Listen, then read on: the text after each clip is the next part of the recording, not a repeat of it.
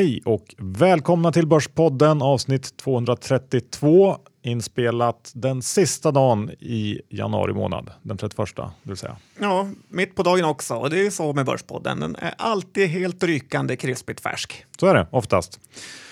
John, vi har en huvudsponsor i EG Markets. Ja, det har vi. Och idag ska vi få höra hur Erik Hansén eh, berättar lite om morgonbrevet som man har och skickar ut eh, varje dag. Ja, Ja, precis. Jag skriver då IGs eh, morgonbrev som kommer ut klockan eh, 8.00 eh, varje börsdag. Eh, jag började skriva morgonbrev redan 2007 när jag jobbade på en amerikansk nätmäklare. Så det här är någonting som jag har hållit på med i många år.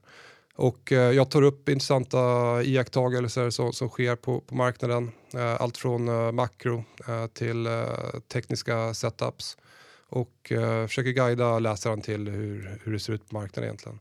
Uh, och det här kan man då prenumerera på om man uh, går in på, på ig.se uh, och signar upp på, på morgonbrevet. Då. Tack för det Erik. Kom ihåg att signa upp det på det här morgonbrevet. Det gör man på IGs hemsida. Ja. Vi har ju också vår sponsor Lysa med oss idag John. en robotrådgivare och det här är ju en tjänst som vi själva tycker är riktigt bra. Eh, det är en digital portföljförvaltningstjänst som investerar i billiga indexfonder och eh, portföljerna som kunderna får är då konstruerade med modern portföljteori och byggstenarna är bland annat Vanguard ETFer och eh, det fina med det här är att den totala avgiften för Lysa inklusive då de här underliggande produkterna ligger på under 0,4 procent. Ja, det är fantastiskt och det är väldigt bra hur man kan få en exponering mot hela världen tycker jag. Ja, precis. Varför inte lägga en del av din portfölj här? Eh, eller rekommendera till eh, någon eh, släkting eller vän som kanske inte är riktigt lika intresserad som du som Börspodden-lyssnare av börsen. Eh, gå in och testa på lysa.se börspodden och inte nog med det John, man får som lyssnare upp till 20% rabatt i hela tre månader om man går in via den här eh, länken. Ja, det är fantastiskt. Inget att tveka på. Ja, vad ska vi snacka om idag John? Ja, idag kommer det vara rapporter. Det lilla stackars eh, Stockholmsbörsindexet har ju fått rejält med pisk. Nej, både H&M och Ericsson har underlevererat groteskt. Ja, det blir väldigt mycket rapporter idag och du kommer med en rapport ifrån Frankrike. Du var och hälsade på Carmignac förra veckan. Och eh, ja, lite annat gott och blandat blir det också såklart. Ja, smått och gott, gott och blandat. Allt vad man gillar. Men John, innan vi rullar igång avsnittet så är vi också sponsrade av Neckwear som är inne i slutspurten av sin rea. Det är en vecka kvar. Eh, rean tar slut 7 februari och eh, det finns massor av fina skjortor till exempel att fynda. Eh, till exempel så har man 60% på Morris just nu. Börspodden-koden ger 20% rabatt på hela sortimentet, även på reagrejer. Mm, det är väldigt bra. Jag var ju väldigt krispigt klädd till eh, Paris med både solbriller och väska från Neckwear. Härligt, härligt. Så att, eh, gå in på neckwear.se och eh, se om ni inte ni också kan hitta någonting eh, till fyndpris. Som sagt 20% rabatt med Börspodden-koden och det här gäller fram till 7 februari. Använd den. Neckwear.se. Nu kör vi igång!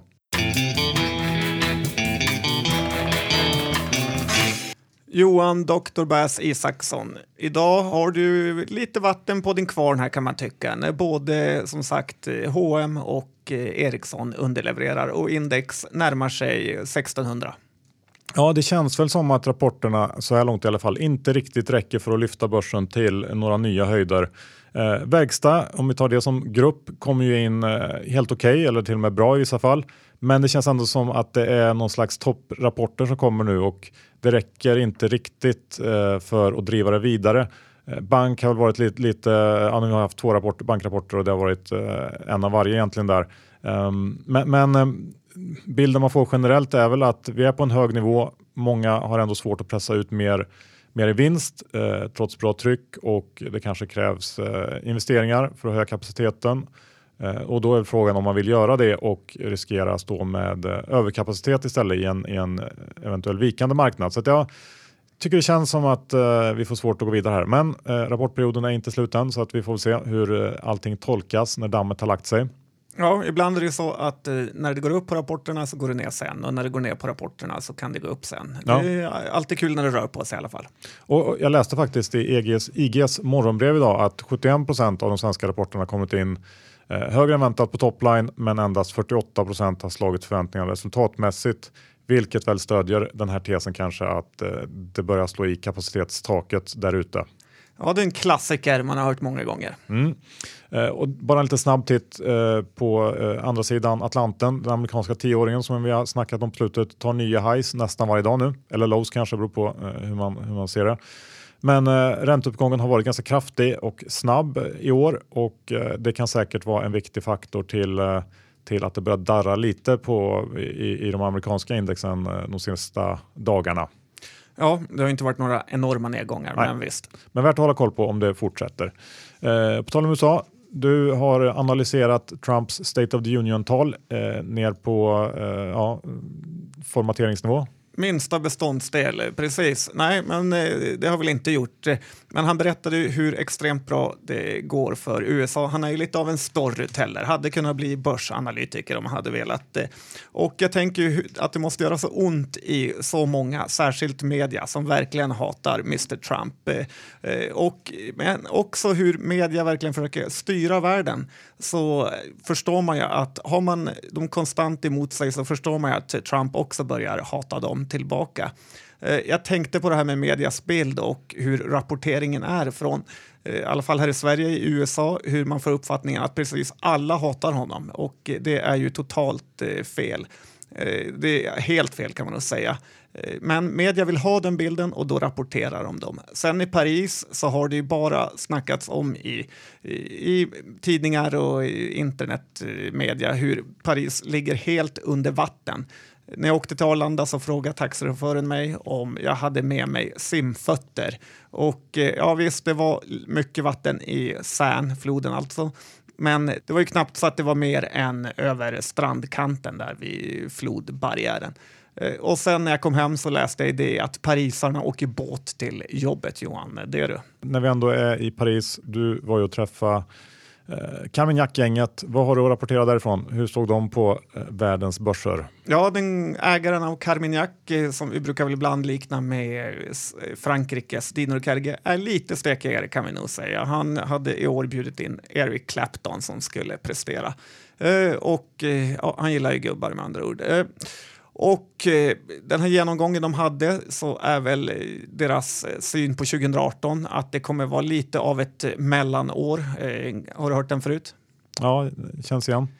Konjunkturen kommer nog bli kanske förmodligen lite svagare, men det hålls tillbaka av skattesänkningar och att det rullar på i stort bra. Även värderingarna på de europeiska börserna, för de gillar Europa mer, för det är tuffa bra, är inte jättefarliga med i snitt P15 och en direktavkastning på 3,5 procent. Så att där såg de ingen oro. Eh, de tycker att man ska satsa på teknikbolag eh, mer än cykliska bolag och eh, sen visar de mycket stat Eh, som lite kul att du tog upp det, men när räntan höjs eh, och att räntan är under 4% totalt så är det faktiskt bra för börsen och inte tvärtom då det indikerar på att det rullar på men inte för bra. Eh, men om räntan då skulle dra över det här 4 så brukar det vara väldigt dåligt för börsen. Eh, det har också varit svettigt för många europeiska fonder som om man bor i Europa då eftersom euron har stärkts eh, med 15 procent på bara några månader. Men det har ju gynnat oss här hemma i Sverige. Eh, deras emerging market-förvaltare var väldigt, väldigt håsad till Mercado Libre som vi har pratat om tidigare. Han var lite förvånad att en svennebanan som jag hade så bra koll på Mercado, så det var roligt. De tyckte att den hade stor uppsida såklart. Det var största bettet i hela fonden. Eh, så pratar de mycket om robotiseringen i Kina som ligger efter massor och eh, där de behöver investera och eh, då kan man väl tänka att det kanske gynnar ABB eller Troax här hemma i Sverige. Eh, Bästa länder att investera i, i emerging markets är Argentina och Brasilien enligt dem med motiveringen att den politiska situationen där har vänt och blivit mycket bättre. Och ett annat bra bolag från den eh, regionen är Grupo Superville som var ett topppick. Man skulle hålla sig borta från Indien då de är väldigt eh, beroende av olja och går oljepriset över 80 dollar så är det i princip kört för indierna. Uh, inom EU gillar de biotech och att man skulle hålla ett öga på Frankrike då Macron kanske ändå kommer fixa till uh, landet med sin uh, skattesänkningar. Ja, men tack, det känns som en bra genomgång där. Eh, lite av varje. Mycket av varje Johan. Ja. Eh, innan jag slutar första delen John så måste jag bara eh, ta att rekommendera DIs, eh, DI-TV nu i rapporttider. Ja, få höra. Ja, I vanliga fall brukar jag inte kolla på DI-TV men jag tycker att deras morgonstudio där de eh, live-kommenterar rapporterna när de kommer in är riktigt skoj. I morse var det Hägerstrand och Uffe Pettersson som eh, gick igenom rapporterna och ja, jag tyckte att eh, det var riktigt kul och tummen upp där för den satsningen. Ja, lite nördvarning dock.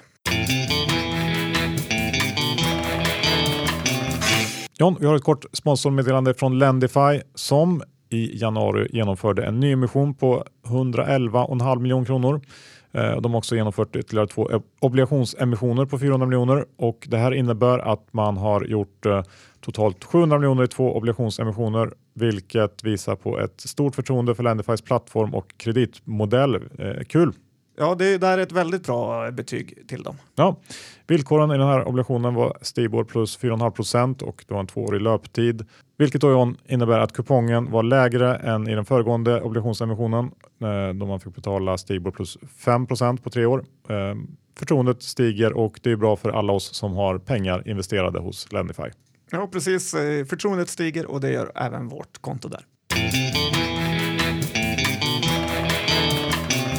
Då är det dags att gå igenom massor av rapporter. Många storbolag har rapporterat idag, en riktig storbolagsdag.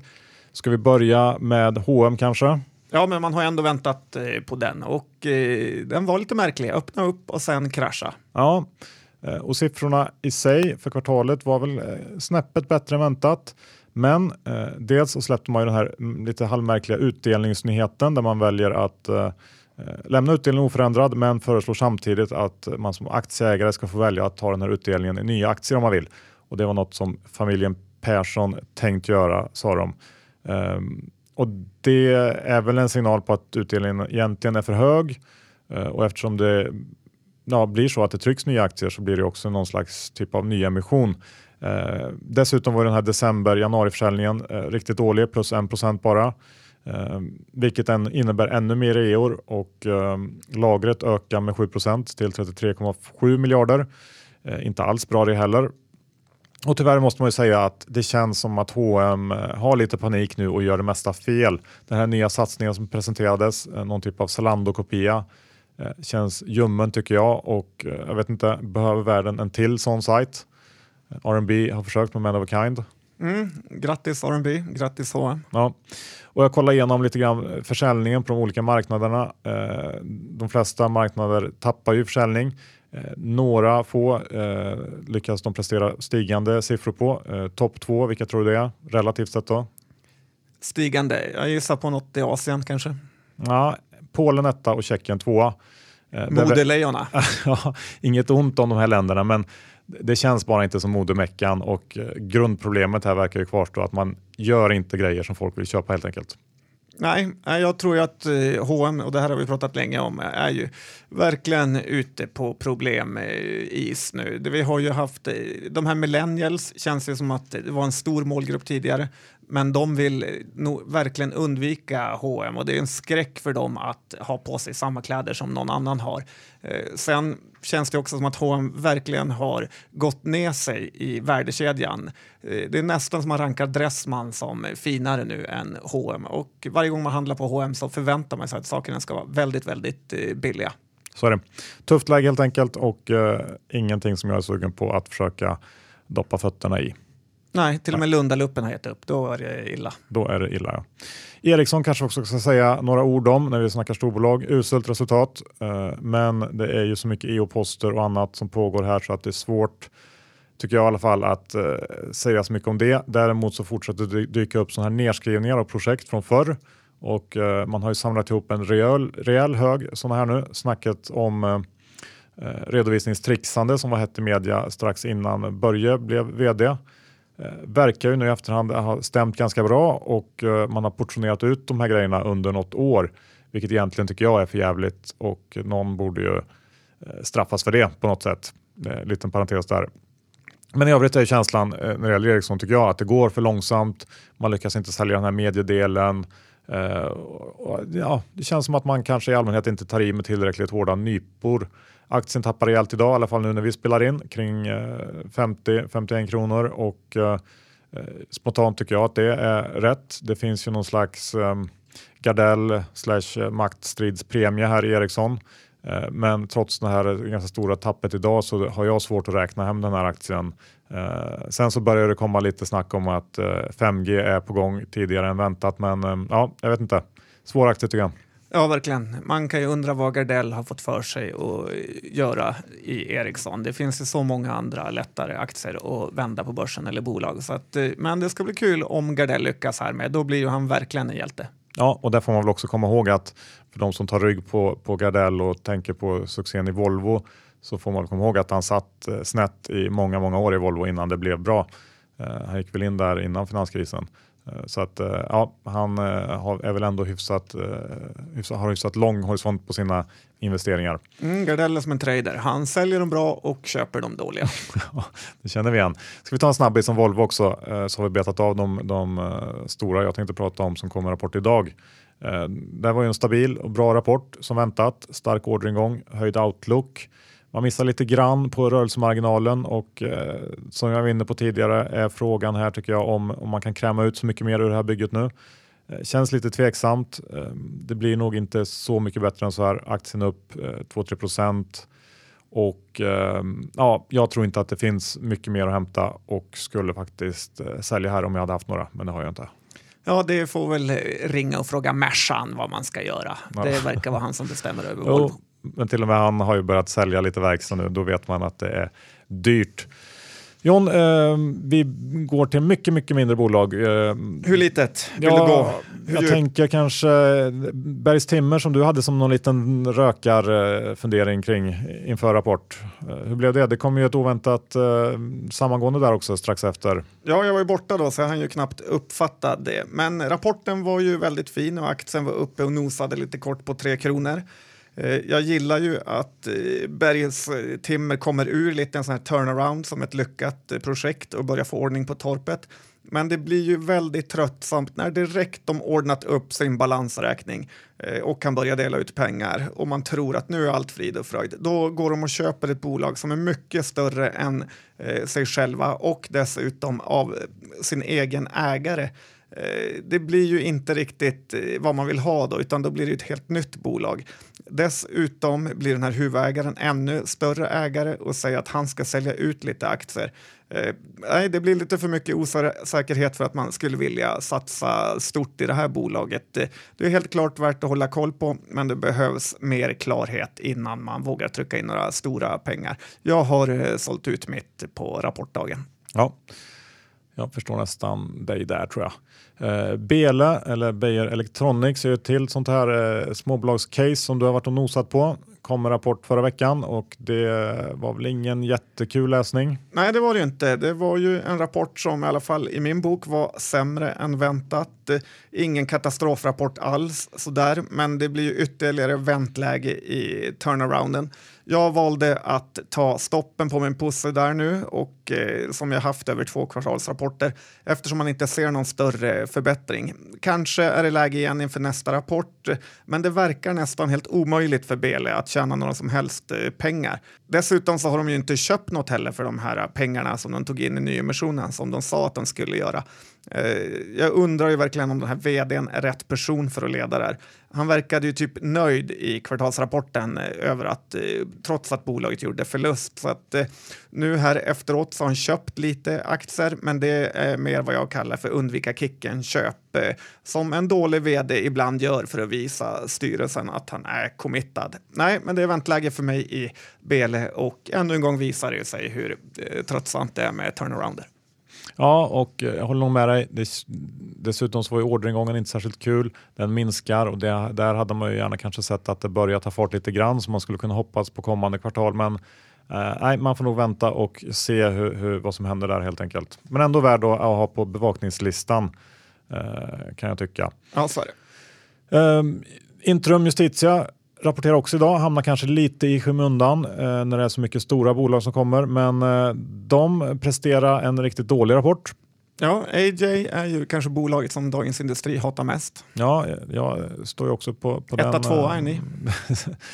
eh, på den sidan så att säga. Och, ehm, det mesta var sämre än väntat. Marginalen inom CMS föll ganska rejält och här skyller man på högre legala kostnader och prispress, eh, högre collection cost som det heter på svengelska. Ehm, investeringarna var väl i linje med förväntningarna och eh, ledningen lyckades ju jaga upp den här aktien till väldigt höga nivåer efter kapitalmarknadsdagen i höstas eh, när de presenterade sina oerhört aggressiva nya mål. Och eh, jag tycker det är rimligt med en rejäl nedgång idag och på lite längre sikt så tror jag att det här kan bli riktigt, riktigt illa faktiskt.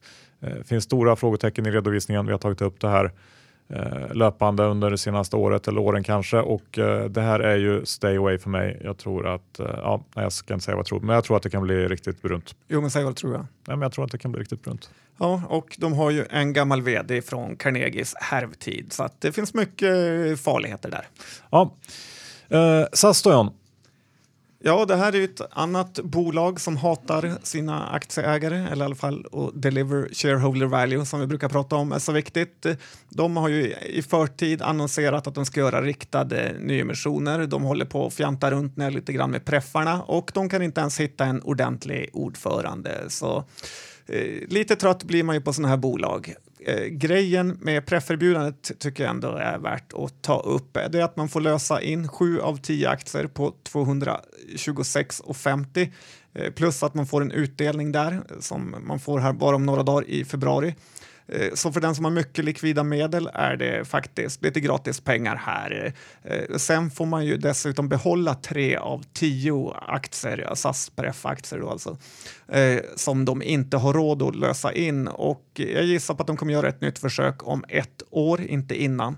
Och då kommer man få fyra nya utdelningar och Eh, preffen är ju nu mycket säkrare än den kanske någonsin har varit när man har löst in sju av tio. Så att det här kan man lätt fortsätta ha i sin preffportfölj. till och med så att jag skulle rekommendera folk eh, att köpa mer om man har lite extra pengar.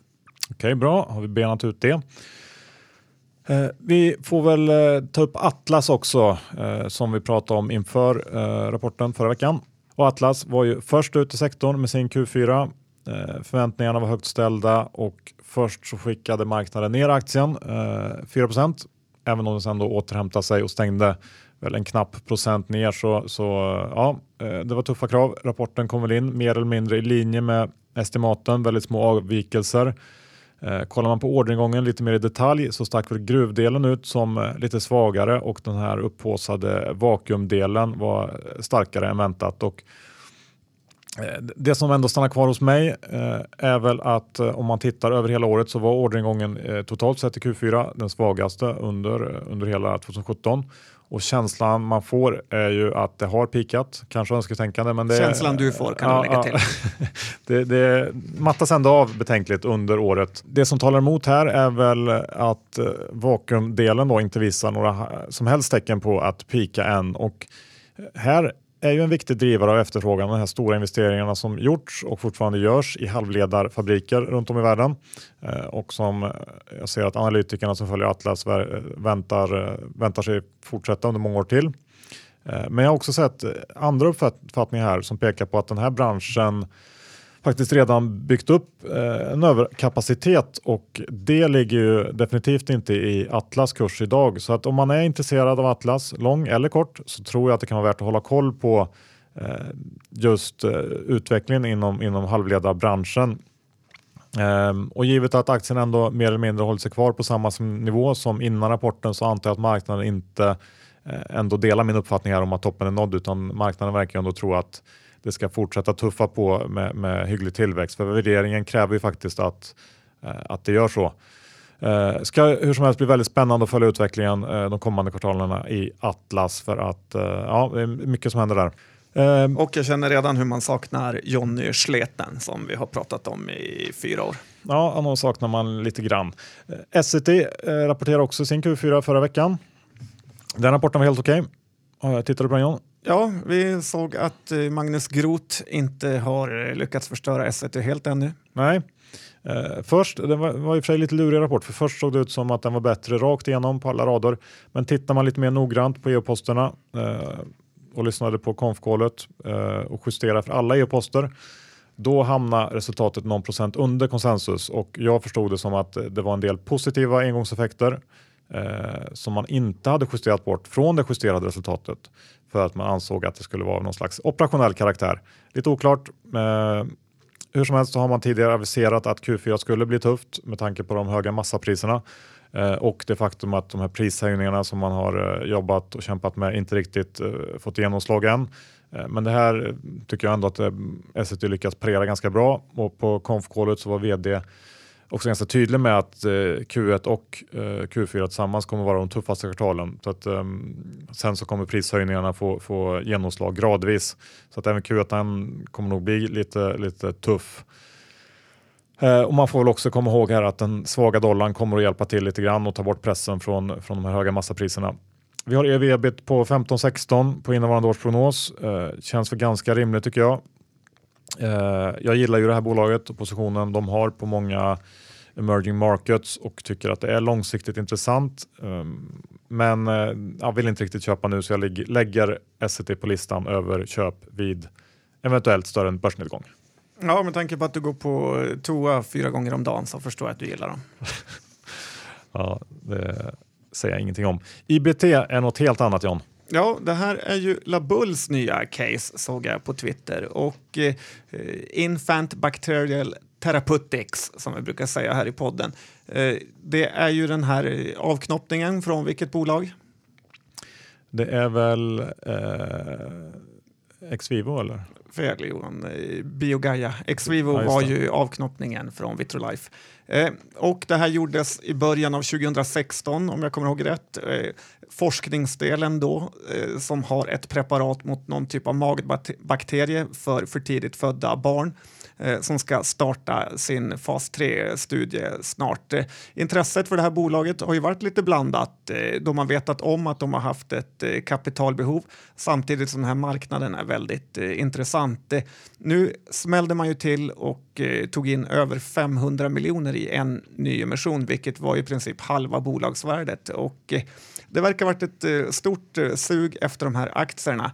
Eh, jag har handlat eh, IBT sen bolaget kom in från första början på börsen och eh, tänkte väl att det kanske var ett läge att komma in billigt via teckningsrätter. Men rätterna blev aldrig billiga eftersom det verkar vara väldigt många som kikar på det här.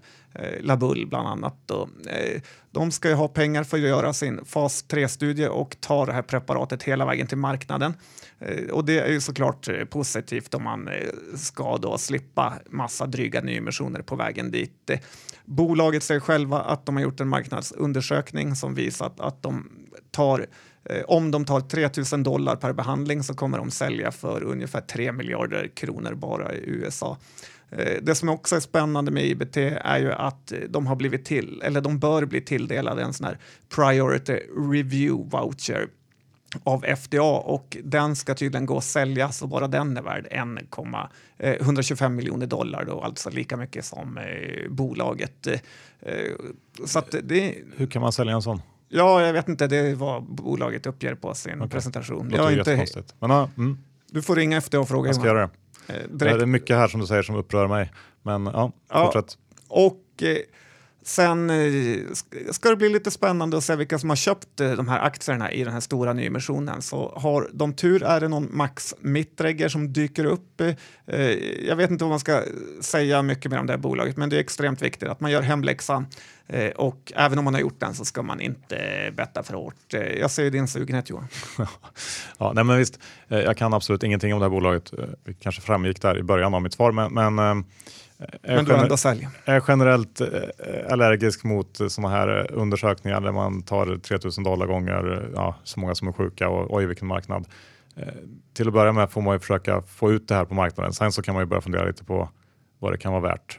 Och jag vet inte, svenska bolag i den här branschen har inte så bra track record av att lyckas klara av fas 3 studier. Så att, vi får se. Men jag kan ju köpa att det finns eh, någon slags lättnad i att de tar in så mycket så att de inte behöver ta in mer innan, eh, innan det då eventuellt ska bli klart. Ja, men det är helt rätt. Det är ju ett, eh, det är alltid en chansning sånt här, men ja. eh, vem vet? Ja. Andra änden av spektrat kanske man kan säga att Telia är i. som för ovanlighetens skull lyckades eh, prestera en rapport som belönades på börsen. Ja, det är faktiskt kul. Det är ju inte ofta det händer. Nej, det var kassaflödet under Q4 och även då guidningen för kassaflödet under 2018 som var eh, glädjeämnet, eller i alla fall en del av det. Och eh, det handlar om att man har en kombination av att eh, äntligen gå mot en period av lägre capex. Eh, de minskar rörelsekapitalet och eh, genomför också kostnadsbesparingar. Och eh, det här ger då stöd för att man ska kunna fortsätta att ge en fin utdelning eh, och det vore väl skoj för alla luttrade teleägare om det här kunde vara början på en ny trend för det här bolaget. Vi får se, men kul ändå.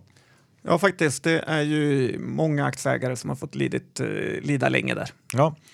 Sen har jag lite snabbt kollat på Cloetta också. Eh, ett bolag som vi har pratat en del om i podden genom åren.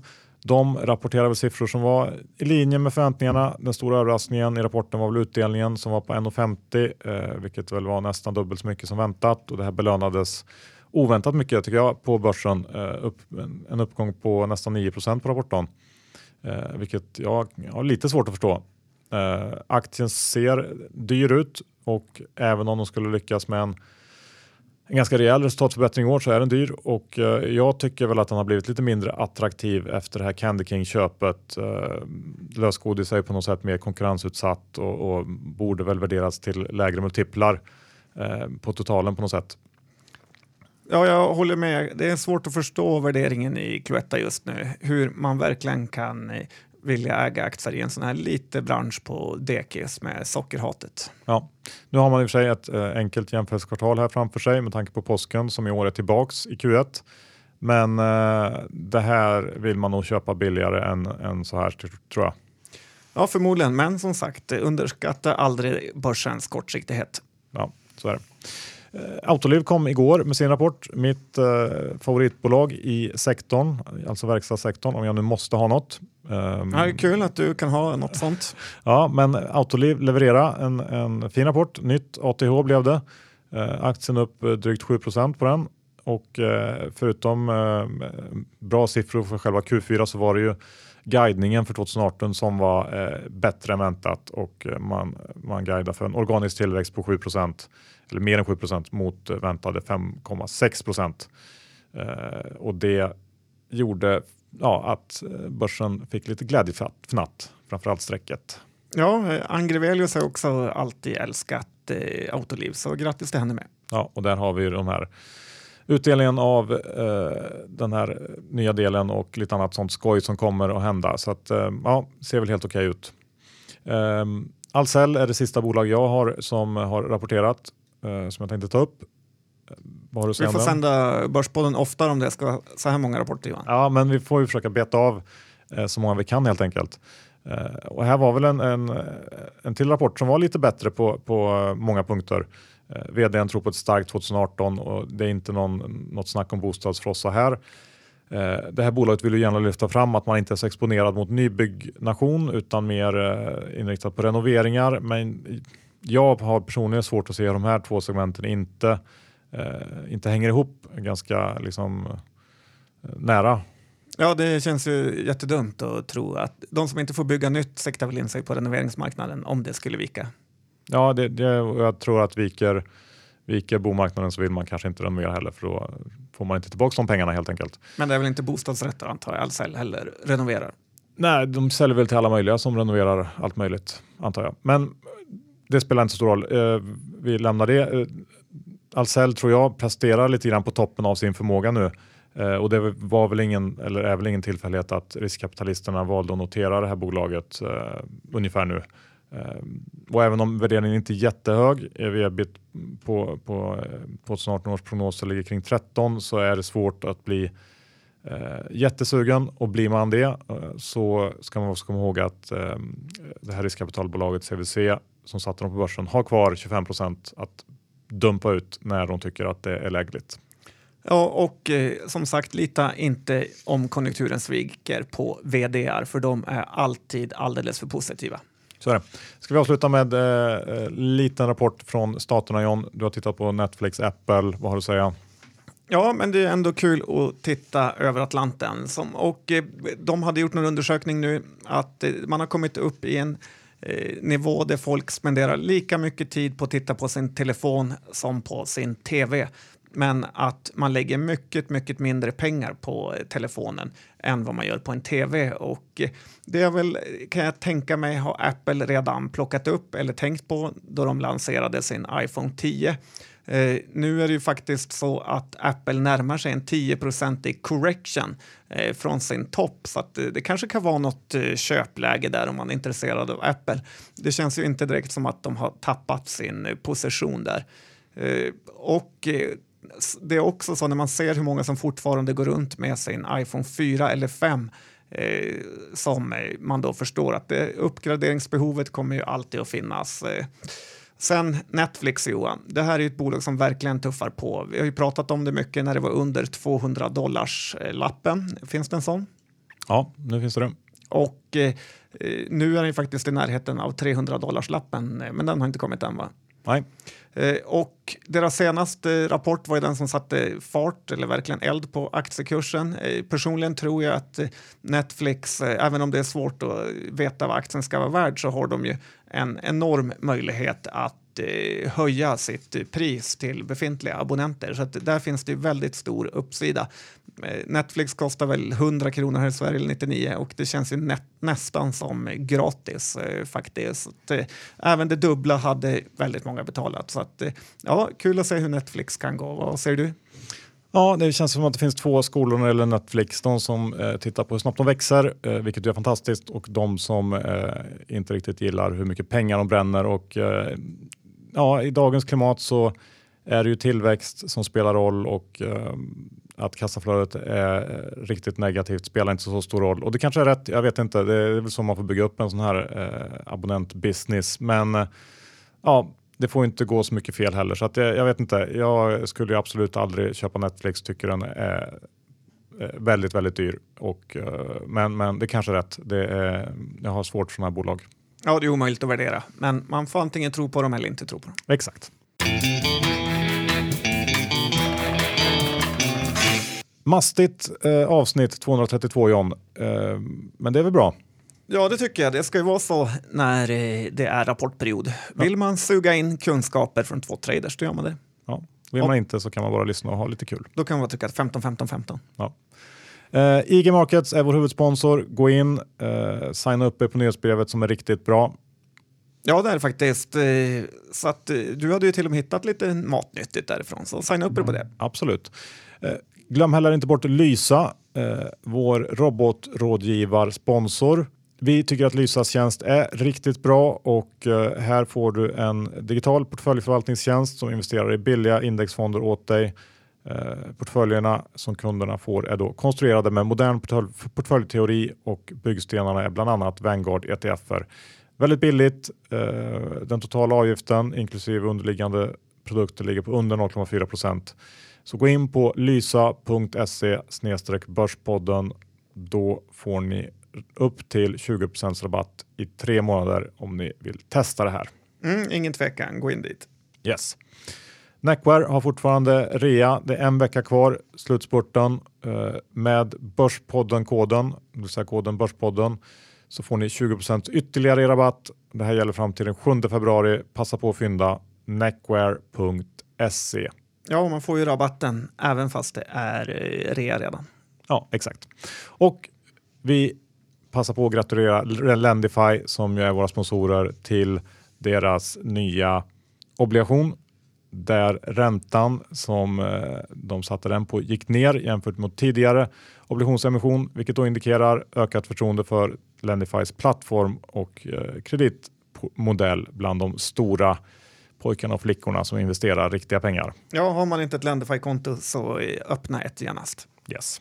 John, eh, innan vi avslutar idag så ska vi gå igenom innehavsredovisningen. Ja, jag har ju lite IBT. Jag gissar att du inte kommer ha några sådana. Så jag har sålt mina bergstimber, Bele och eh, ja, sen var det allt. Ja, ska vi se. Jag har, du, jag har faktiskt en liten kort position i Atlas eh, som jag lite i affekt eh, eh, exekverade här på rapportdagen. Eh, får se hur länge jag orkar sitta med den. Om det sticker upp nu mycket mer så kommer jag stänga den direkt för att då eh, är det helt enkelt så att jag har fel och marknaden har rätt. Ja, det är vakuummaskinerna som knäcker det Johan. Ja, som alltid. Suger musten ur mig. Tack för att ni lyssnade den här veckan. Vi hörs om en vecka igen. Hej då!